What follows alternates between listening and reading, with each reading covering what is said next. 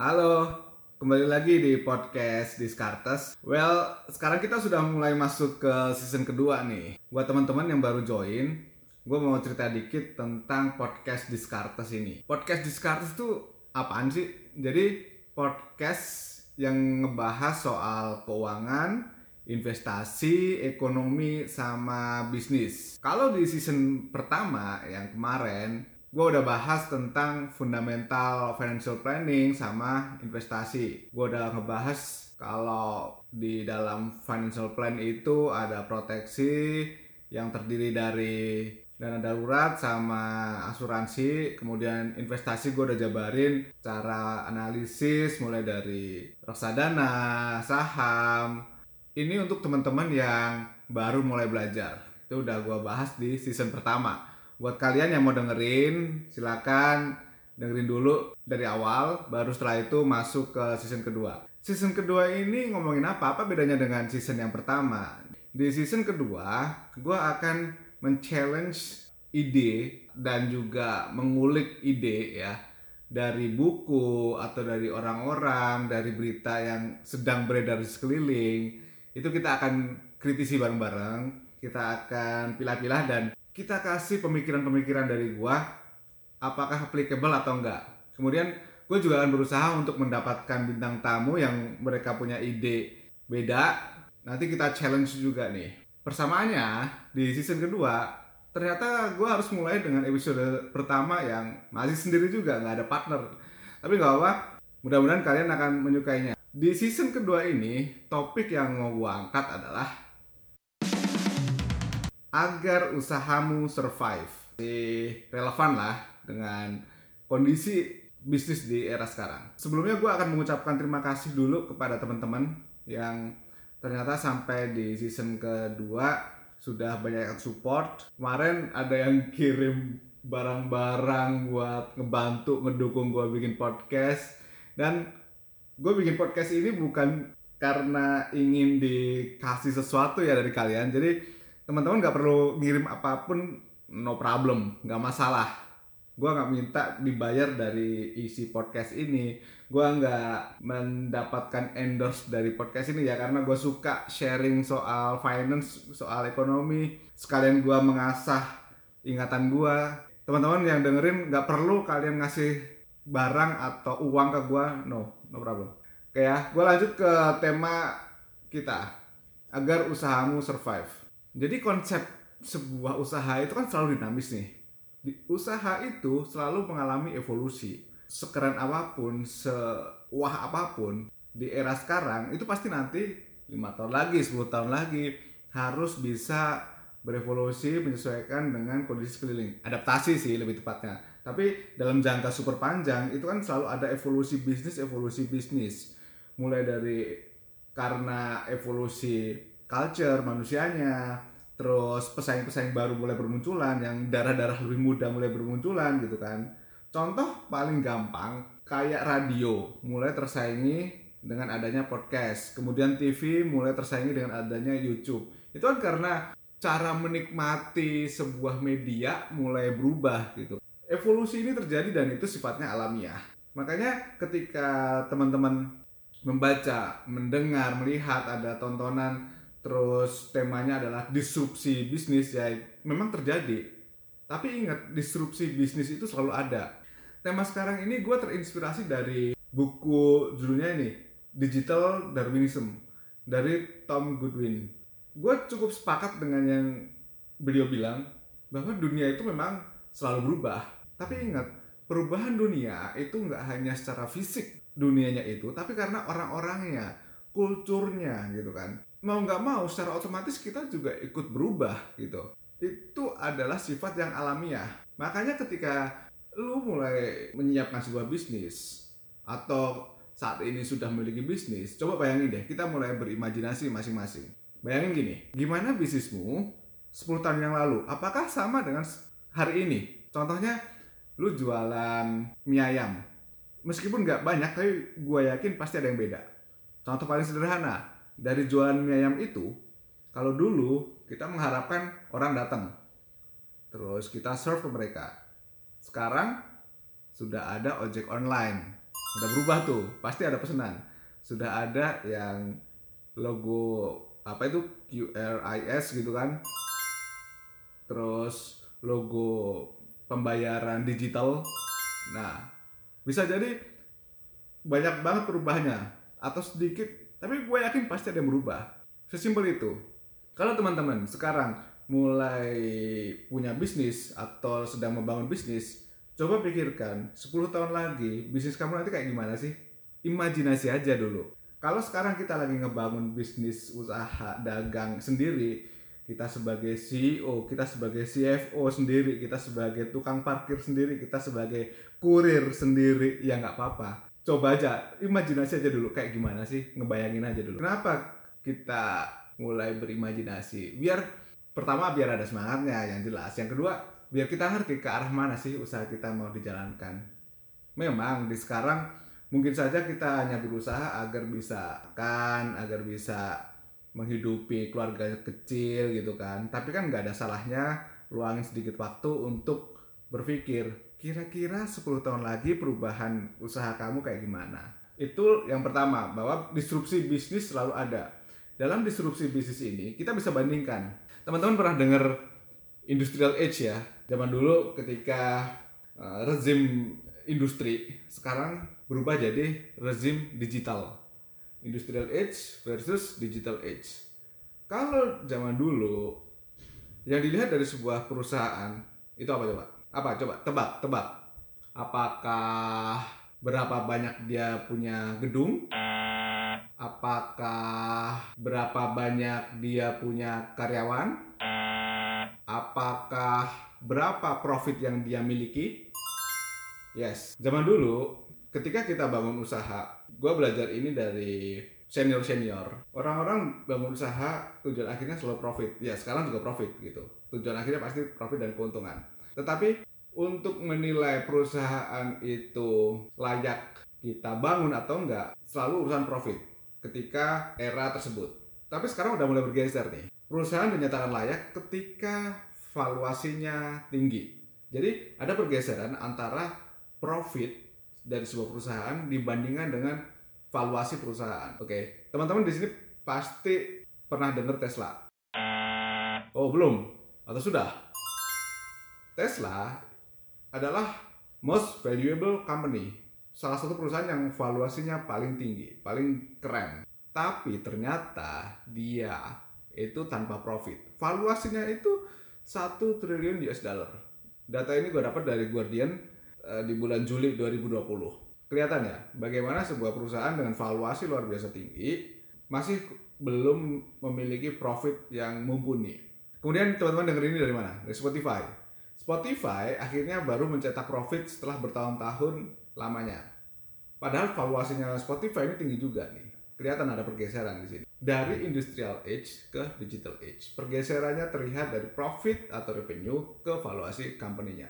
Makanya tidak heran ketika sekarang di Indonesia banyak istilah bakar duit, bakar duit biar valuasi sebuah usaha tinggi. Karena memang tolak ukur yang dilihat seorang investor itu sudah mulai melihat bagaimana valuasi perusahaan dia. Nggak hanya soal profitnya.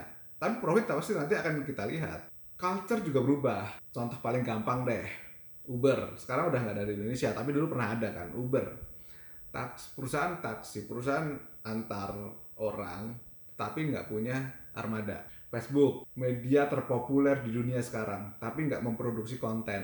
Malah banyak content writer yang bikin produksi di situ kan, di Instagram, di Facebook. Alibaba, dia retailer tapi tanpa persediaan, tanpa inventory. Airbnb, dia perusahaan akomodasi tapi tidak memiliki real estate. Perubahan-perubahan culture ini juga berpengaruh ya terhadap sistem bisnis kita gitu loh. Kalau Indonesia ada nggak? Ada ada Gojek Gojek kan nggak pakai armada sendiri tapi banyak orang yang mendaftar sebagai ojek online gitu terus ruang guru ruang guru orang mendaftar terus share knowledge-nya dan bisa dibilang ruang guru ini salah satu teknologi yang lumayan booming ya sekarang ya poin pertama tadi bahwa disrupsi bisnis itu selalu ada ya. poin keduanya adalah yang pasti di dunia ini adalah ketidakpastian. Kita nggak pernah memperkirakan dunia selalu anteng diem-diem aja, lurus gitu-gitu. Ternyata sekarang muncul pandemi. Nggak pernah ada yang memperkirakan ada pandemi. Gara-gara pandemi, Sorabel tutup, Airy Room tutup. Kenapa bisa tutup? Banyak perusahaan startup tutup karena beban yang dialami si perusahaan itu gedenya luar biasa. Gede banget. So, buat teman-teman yang sedang menjalankan usaha, gue sangat salut banget ketika kalian survive di pandemi sekarang ini karena nggak mudah, asli nggak mudah. Lu mesti bayar gaji, lu mesti operasional tetap harus jalan, padahal income belum tentu masuk dan itu menyakitkan sih. Tapi gue acungin jempol. Gue ucapkan selamat kepada kalian dan coba deh mulai sekarang kita mulai pikirkan lagi skenario-skenario yang terburuk itu harus dipikirkan. What if-nya itu ada. Bagaimana seandainya operasional tetap harus jalan, tapi nanti suatu saat kelak kita nggak bisa menerima pemasukan. Untuk mengatasi skenario-skenario yang buruk ini, gue selalu yakin bahwa tim itu paling utama, tim yang inovatif. Makanya investasi perusahaan investasi teman-teman yang sedang mulai berusaha, entah itu levelnya UMKM atau yang lebih kecil, yang dagang kecil-kecilan tapi punya karyawan satu dua, investlah pada orang. Fokus on people. Ajarin mereka. Kalau perlu kursuskan mereka. Karena ketika mereka menjadi bertumbuh, secara otomatis tuh usaha kita tuh tumbuh Jangan takut ketika kita menumbuhkan mereka terus mereka cabut. Jangan takut karena ketika kita menebar sebuah kebaikan pasti nanti akan datang lagi. Justru ketika kita menahan-menahan untuk tidak mengembangkan mereka, kita salah. Kalau kamu sebagai owner bisnis, owner usaha, sekecil apa pun, salah satu tugas kamu sebagai bos adalah menciptakan leader-leader yang baru bukan mengkerdilkan. Fokus on people. Dan kondisi yang sekarang terjadi dalam dunia bisnis yang selalu terdisrupsi, selalu berubah-ubah adalah ingat, yang mentransformasi sebuah bisnis bukan teknologi, bukan IT, tetapi people, tetapi orang. Internet, teknologi memang selalu berubah-ubah. Tapi bukan barang yang terlalu baru ini udah ada sejak zaman kapan gitu kan. Yang mentransform usaha adalah ide kita manusianya. Makanya kita harus menerima nih kita harus mau beradaptasi nih. Gimana caranya biar kita ikut mentransformasi bisnis kita jelas yang pertama kita harus menerima kenyataan. Kita wajib untuk berubah nih. Sekarang orang maunya cepat maunya nggak repot. Ya kayak contoh tadi kamu jualan mie ayam mulai sediakan QR code. Terus skema pembayarannya diperbanyak. Kalau sekarang kan ada OVO ada GoPay ada bla bla bla lainnya gitu kan. Itu langkah yang paling awal harus dilakukan. Kita legowo lah dengan kondisi ini berpikir dan berubah harus orientasi ke customer itu yang pertama yang kedua adalah make things simple. Kita harus membuat segala sesuatu jadi lebih sederhana. Baik itu dari sisi customer maupun dari sisi kita. Dari sisi kita gimana? Misal, biasanya kan nyatet-nyatet nih, nggak ada pembukuannya nih. Ya udah, pakai aplikasi kasir untuk keluar masuknya uang. Kalau dari sisi customer gimana? Pengiriman. Kalau ini udah gampang sih karena sudah ada pihak ketiga yang mengantarkan. Atau gimana biar customer happy? customer merasa sederhana apakah kamu bikin apps sendiri atau apa banyak cara contoh lain membuat yang sederhana adalah jualan kita apa kita mau menjual sesuatu yang sederhana ya misalnya sepatu yang nggak perlu dicuci tapi terus berkilau gitu atau apa kayak make things simple jadi buat segala sesuatunya sederhana kemudian perhatikan apa saja kemungkinan yang ada misalnya pas pandemi ini tiba-tiba muncul pesaing. Nah, lu mesti ngapain gitu? Apakah perlu meningkatkan IT-nya atau seperti apa? Atau perlu diversifikasi jualannya? Mau kayak gimana gitu kan? Kemudian yang Pak terakhir adalah memperkuat data. Data ini penting karena kamu harus mengetahui kalau misalnya jualan barang nih harus tahu barang kamu itu sisanya apa aja, mana yang nggak laku. Kalau jualan makanan, biar kelihatan nih pembelinya paling banyak datang atau pakai ojek online atau tetangga nih. Dari situ kita bisa menentukan marketing strateginya. Tanggal berapa ramenya, bulan apa, terus daerah mana, kesukanya seperti apa, itu semua butuh data. Kemudian karena kita topiknya adalah survive, maka ini yang terakhir gue mau sampaikan ke teman-teman bahwa kalau mau survive kita harus memperkuat pondasinya. Pondasi apa aja? Pondasi keuangan, pondasi brand kita, pondasi market kita. Pondasi keuangan ya jelas cash flow harus positif, makanya perkuat dana cadangannya. Kalau pondasi brand, kita harus menjaga kepercayaan orang.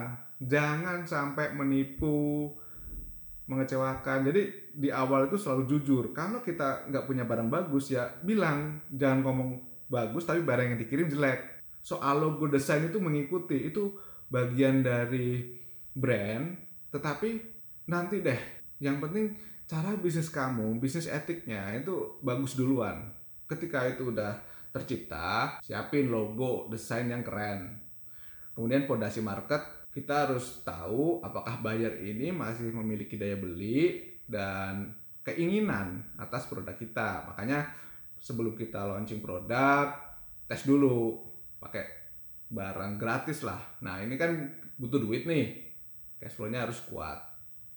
Itu podcast episode pertama di season kedua tentang agar usahamu survive. Gue berdoa agar teman-teman yang sedang berusaha di sini, sedang mulai bisnis, masih bisa survive, bisa menghidupi karyawannya.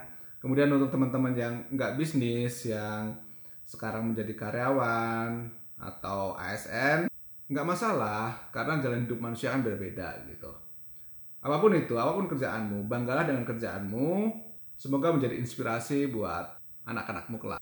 Oke sampai jumpa lagi di podcast Discartes episode selanjutnya. Bye bye